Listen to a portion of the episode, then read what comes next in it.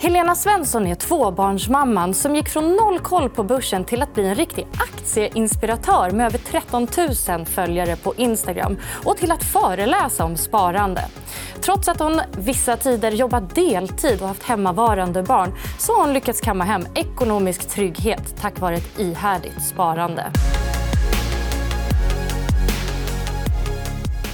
Välkommen, Helena. Och nu ska vi få höra om hur du gjorde för att bli miljonär. Hur har det varit för dig? Har du alltid varit sparintresserad? När jag var 26 år gammal så hade jag precis blivit mamma. Eh, det var finanskris. Eh, varken jag eller pappan hade något jobb. Eh, jag har alltid gillat att läsa däremot, så jag var inne på Adlibris, eller Stora nätbokhandelns hemsida eh, och tittade på deras topplista. Och då såg jag den här boken av Per H Börjesson, Så här kan alla svenskar bli miljonärer. Och jag tänkte att okej, okay, eh, det här var en sjuk titel, men samtidigt väldigt, väldigt spännande. Eh, och det lät naturligtvis lite för bra för att vara sant. Jag kände inte till vem han var. Eh, men jag kände att okej, okay, men den hundralappen, om den, är liksom, om den innehåller hälften av vad den lovar så är det värt det. Så jag beställde den här eh, och jag insåg att oj, oj, oj, oj, oj, oj, här har jag mycket att göra. Eh, och det fick mig faktiskt att egentligen förändra livet i grunden. Och hur såg egentligen livet ut då innan? Alltså, vad, var, vad var din vardag? Jag var hemma med ett litet barn. Eh, vi bodde i hyresrätt. Liten hyresrätt, billig hyresrätt, tack och lov. Um, så att, uh, Hur var du med pengar? Var du slösa eller spara? Jag hade inga pengar, så uh, det var spara av, av naturen, eller av nödtvång. Mm. Eftersom har man så låg inkomst så, så måste du vara ganska smart annars så kommer du inte äta i slutet av månaden. Mm. Så att, eh, nej, det var inte lyx och sus och dus på det sättet. Nej. I boken så är det ju några få enkla råd. Du ska alltid ha lägre kostnader än intäkter livet igenom. Du ska spara långsiktigt i aktier eller aktiefonder Eh, minst 10% av din inkomst. Jag hade inga 10% att spara. Så tänkte jag så här, okej, okay, jag är föräldraledig, då får jag vara föräldraledig måndag till fredag och så får jag jobba på helgen. Då måste jag ett, det funkade då med, alla, med, med det lilla barnet och så. Eh, så då skaffade jag ett extrajobb på ICA och så bestämde jag mig för att hela den här lönen ska gå till börsen. Eh, sen fick jag första lönen eh, och jag satte hela den lönen på en och samma aktie, kardinalfelet. Mm, vad var det för aktie? H&M. för den kände jag till. den visste jag vad det var. Ja. Och den begrep jag vad det handlade om. Och på den tiden var ju H&M verkligen liksom överallt. Och det var ju jätte i ropet på alla sätt. Alla handlade på H&M. Liksom. Eh, så att, eh, det gjorde jag. Och eh, det är ju inte riktigt så man ska göra. Man ska inte köpa en aktie för hela summan. Nu hade jag tur med tajmingen. Mm. 2008 allting var lågt värderat. Så sen när det började vända så gick det ju jättebra. Men när jag berättade för eh, dåvarande sambon och så vidare vad jag hade gjort så det var ju inga glada miner utan det var ju Vad har du gjort? Är du tokig? Kan du få tillbaka pengarna på något sätt? Eh, det här är vansinne. Liksom. Vi behöver pengarna. Varför, varför kastar du bort dem? Liksom? Och jag sa nej, nej, nej, nej, jag kommer göra det här. Jag, jag, jag hade bestämt mig för att tro på boken. Liksom.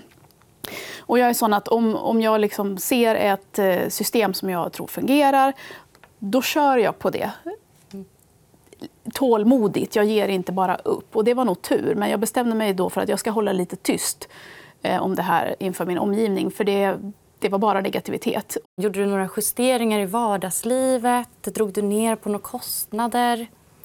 Nej, snarare det att jag... Ehm, som sagt, jag hade väldigt eh, dåliga ekonomiska förutsättningar. Och eh, Det var snarare så att jag försökte öka inkomsterna istället. Det fanns liksom inte så mycket att dra ner på. Eh, så att det var mer att försöka få in mer pengar. Jobba mer, skaffa mig jobb och så vidare. Det var mer så. Hur länge lyckades du hemlighålla ditt börsintresse? Ja, eh, min bror eh, råkade ju berätta för mina föräldrar sen. Eh, det var väl ungefär 2016, 2017. Och, det var, och de blev väldigt förfärade. Ehm, men då beslöt jag mig för att starta Instagramkontot. För jag kände att om jag har lyckats uppnå det här så borde faktiskt egentligen alla kunna uppnå det här. Och varför gör inte alla det här? Mm. Eh, och jag ville inspirera andra, just unga och kvinnor, att våga ta steget in på börsen. Så att då var det slut med hemlighetsmakeriet. Hur känns det när du får, när du får höra från någon att eh, ja, men du har peppat den till att börja investera eller hjälpt den fram på dens mm. Eh, sparresa? Jo, men det känns jättebra. Framförallt har jag fått mycket när det är oroliga tider så, så skriver folk ah, vad, vad skönt att höra. Det liksom, jag behövde höra det här. Jag blev rädd och jag är orolig. Och, och nu, nu, känns det lite bättre. Jag, jag, vågar fortsätta. Jag kommer inte sälja nu här på botten. Eller, och nu ska jag faktiskt börja. Antingen det kan vara 60-åringar som skriver eller 16-åringar. Jag har fått alla åldrar som skriver att eh, men nu, nu kommer jag faktiskt ta tag i det här. Och en del har, säger att de har följt mig i flera år men ändå inte vågat ta steget. Och det, finansbranschen tror jag underskattar hur svårt det här första steget är för väldigt många. Och där tror jag att det är ännu svårare för kvinnor som ju är mer eh, eh ja, riskaversiva eh, och försiktigare. Eh, dock bättre investerare på grund av det. Eh, så...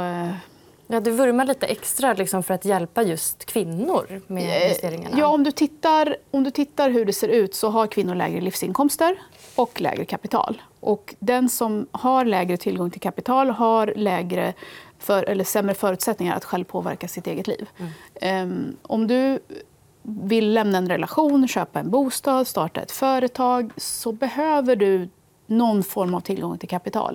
Jag tycker det är viktigt att ehm, just kvinnor som då har sämre inkomster och eh, sparar mindre, för det är en annan ny undersökning som kom ut att eh, det, även själva sparandet är lägre. Så det är inte bara att inkomsten är lägre, även sparandet. Och det betyder ju att ehm, enligt den undersökningen, jag tror den var från ja, den var från en av nätbankerna, så hade kvinnor ungefär hälften av mäns kapital genom hela livet. Och då har man inte riktigt samma förutsättningar.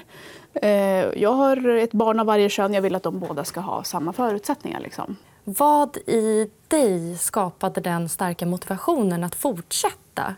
Ja, men det var just det. Jag trodde på boken, jag fattade budskapet. Jag såg att åh herregud, det blir pengar över tid. Jag liksom, en miljon för mig det var astronomiskt. Det gick inte ens att förstå. Det, det gick inte ens att ta på. Jag hade 100 kronor på kontot. Liksom. Alltså det, det, det, det var det, obegripligt och ofattbart och helt onåbart eh, för mig innan. Men när jag hade läst boken så såg jag, aha, det finns hopp och den här möjligheten finns. Jag, så, jag, jag visste inte om vad ränta på ränta var. Jag fattade inte att bara du kommer upp i en viss nivå så kommer den snöbollen jobba åt dig sen. Liksom. Jag hade ingen aning om det att har du en miljon och får 10 i årlig avkastning, vilket ju inte är helt orimligt under normala börsår, då har du 100 000 varje år. Men då började du eh, 2008 helt enkelt med mm. investeringarna. Mm. Eh, och tuffade på där. Du sparade regelbundet. Varje månad. Varje månad. Absolut, det ja. säger boken. Ja. Eh, och hade du en sparkvot då också som du eh, det har inte varit någon konstant. Och det tror jag är svårt att ha under ett liv för att det, ser, det går ju upp och ner och det är ju olika förändringar. Man är hemma med barn, man eh, får ett jättebra jobb, man blir arbetslös. Alltså grejer händer. Så jag tror det är svårt att sätta en sparkvot som, som liksom följer med en under så många år. Däremot att kräva av sig själv att man ska spara varje månad det första man gör innan man till och med betalar hyran och köper mat. För då blir det av.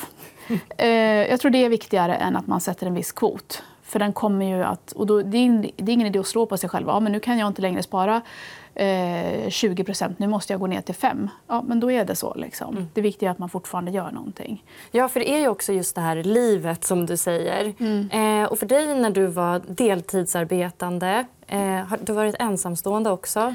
Ja, nu var ju det tack och lov inte så många år, men jag, absolut, det har jag. Och jag har fortsatt spara även då. Mm. Eh, inte lika mycket, mm. men varje månad.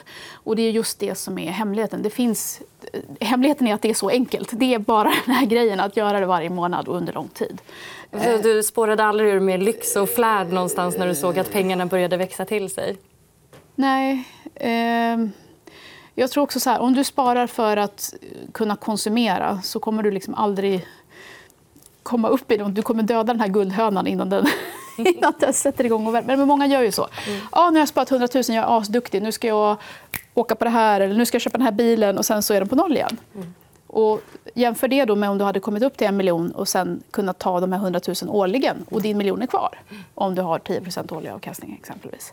Men, det är en ganska stor skillnad. Så om man liksom lyckas hålla i tills man har kommit en bit på väg okej, fine, stanna där då. Då kan du liksom börja äta av dina guldägg, men du behöver inte mörda hönan. Jag fattar precis. Men om då konsumtionen inte var din väg framåt eller ditt mål, vad såg du framför dig? Hur såg drömmålet ut? Ja, men det är alltså, frihet, att du har just möjligheter i livet att jag kan göra det här om jag vill. Jämfört med, som nu, många är stressade och pressade nu. Av det är svårt med räntor, det är inflation, det är höga matpriser, mm. Eh, det är ekonomisk oro. Um, om alla hade försökt ha ett sånt här typ av sparande så hade man inte varit lika svettig i såna lägen. Jag är trygghetsnarkoman, jag gillar trygghet. Att eh, kunna sova gott om natten. Och det är ett mål i sig. Visst, det här går ju att liksom skapa sig till och med ekonomiskt oberoende nästan. Ehm, men jag, jag, tror egentligen inte att det är bra för människor. Jag tror att det är bra att ha projekt och göra saker. Men har du tillräckligt mycket pengar så kan ju du göra eget entreprenörskap, jobba helt för dig själv, ta de uppdrag du vill ha enbart. Um, jättelyxig tillvaro. Mm. Och jätteroligt. Att, att jobba blir roligare när du inte måste. Mm. Det är mycket roligare. Du har ju ett eh, tålamod som ja. en sköldpadda. Eh, ja. Hur viktigt är det? Eh, jag tror att det är väldigt viktigt. Är man inte en tålmodig person så får man nog faktiskt försöka tvinga sig att öva sig på det för att det här går inte fort. Har du en normal lön, normala livsförutsättningar med eh, hyror och grejer att betala och barn att ta hand om och eh, ingen fantasilön utan du tjänar som en vanlig människa så då kommer du behöva tålamod. Det här är ingenting som går på en kvart. Det, alltså, det handlar inte om att hitta åh, nästa raket eller nästa konstiga eh, finansiella produkt som man knappt begriper hur den funkar. Det är inte det det handlar om. utan Du behöver tålamodet. Och du behöver eh, tvinga dig själv att, eh, att stå ut med den här långa ökenvandringen. Snigel på ökenvandring brukar jag säga. Tänk att du är en snigel på ökenvandring. Det kommer att vara jobbigt för du, du behöver fukt och det, det, det är liksom torrt och varmt och du får kämpa genom de här sandkornen. Men till slut kommer du fram till oasen. Det tar tid, men du kommer fram. Men vill du ha spänning så ska du åka till Las Vegas. Det tror jag stod i den här boken, Per H. Börjessons bok. Eh, vill man ha spänning så är det inte börsen man ska gå till, utan då är det Las Vegas man ska åka till. Att tajma marknaden är så fruktansvärt svårt. Jag tror att de flesta ska låta bli det och bara vara tålmodiga och fortsätta, fortsätta, fortsätta, fortsätta och låta det vara under lång tid. Det är just under långa tidsperioder som man ser de här fantastiska siffrorna. Det är inte ett år hit eller dit. Inte ens eh, de här riktiga tillväxtstjärnornas utveckling kan jämföra när du tittar ett riktigt långsiktigt perspektiv. Miljonär blev du i alla ja. fall. Ja. ja. det är bara att gratulera. Hur lång tid tog det? Uh, ja, uh, jag minns alltså knappt datumet. Så, det, på, på, riktigt alltså. Uh, men jag skulle säga jag började 2008 och det var väl 2017 gissar jag. Så att, uh, ungefär den tiden. Mm. Nio år ungefär. Ja. ja. Då hade jag hjälp mm. av, inte i första hand stora inkomster, utan av en god börsutveckling. Men hade jag inte stoppat in någonting under de här bedrövliga finanskrisåren så hade jag inte fått den utvecklingen. Så det handlar om att våga stoppa in. Och nu har vi dåliga tider igen. Mm. Om man inte har börjat så är det väl kanske ett, eh, möjligen så att det kan vara ett lämpligt tillfälle att börja när saker och ting inte är lika dyra som de var för ett och ett halvt år sedan. Fallhöjden torde vara lägre nu ändå. Mm. Det funkade för dig då i alla fall? Det gjorde det. Det finns inga garantier om framtiden. Man vet aldrig. Eh, man kan förlora pengar på börsen, absolut. Men eh, historiskt har börsen gått upp hittills, alltid, över tid. Efter att du upptäckte ränta på ränta, det funkade. Mm. Du nådde en miljon.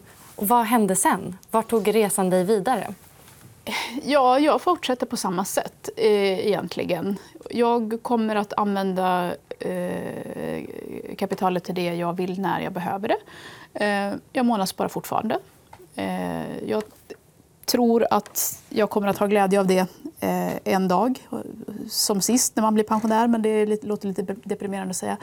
Jag har andra grejer och drömmar jag vill göra också naturligtvis. Eh,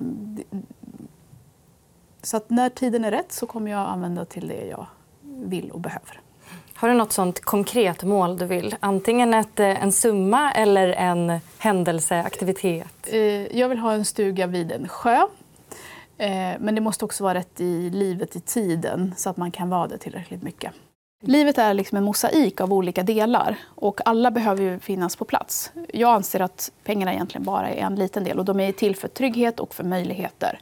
Mm. Inte för att liksom, det är inte Joakim von Anka vi, vi försöker här, hoppa i pengavalvet. Det, eh, nej, det är inte det. Utan som jag sa, du ska kunna uppfylla drömmar. Du ska ha möjlighet att starta företag. Du ska ha möjlighet att lämna en relation, köpa en bostad, eh, resa om det är det du vill. Eh, köpa din stuga vid eh, sjön om det är det du vill. Mm. Slippa oroa sig för pensionen. kunna hjälpa barnen. Det, det, finns hur mycket som helst. att, och pengar är liksom alltid bra att ha. Mm. Det, det, de har på det sättet ett egenvärde i sig. Mm. Ehm. Ja, det är nog många som vill göra en sån här sparresa. Vilka är dina två, tre bästa tips? Eh, att bestämma sig. Att inte ge upp. Alltså eh, kämpa på, göra den här ökenvandringen eh, tålmodigt och se till att den händer, liksom att det blir av. Um, sen eh, skulle jag säga eh, också inse förstå ränta på ränta. Om man har fattat den kraften då kanske man kan avstå från de här onödiga grejerna som inte är värde. Man ska aldrig avstå från det som gör värde i livet. Man ska prioritera det som ger en värde. Men du kanske kan prioritera bort slentrianköpandet. Slentrian eh, chokladbiten på stan som du liksom hetsar i dig, knappt medveten om vad du gör, men som ändå kostar 25 spänn. Sluta med den varje dag så blir man dessutom både, både tjusigare och rikare. så att man fattar ränta på ränta. Och sen nummer tre då. Ehm, eh, ha roligt under tiden. Eh, och eh, våga liksom hitta nya egna vägar. Kanske kan man också öka inkomsterna på något kul sätt genom att göra någonting som till och med är roligt. Man kanske redan nu kan starta något litet sidoföretag och, och eh, bli lite entreprenör och få jättekul på det sättet samtidigt som det genererar extra inkomst. Ehm, så skulle jag nog säga. Mm. Kanon. Alltså, stort tack Helena för att du var med och delade med dig av din resa mot miljonen. Tack så mycket för att jag fick komma hit. Ansvarig utgivare är Anna Fagerström.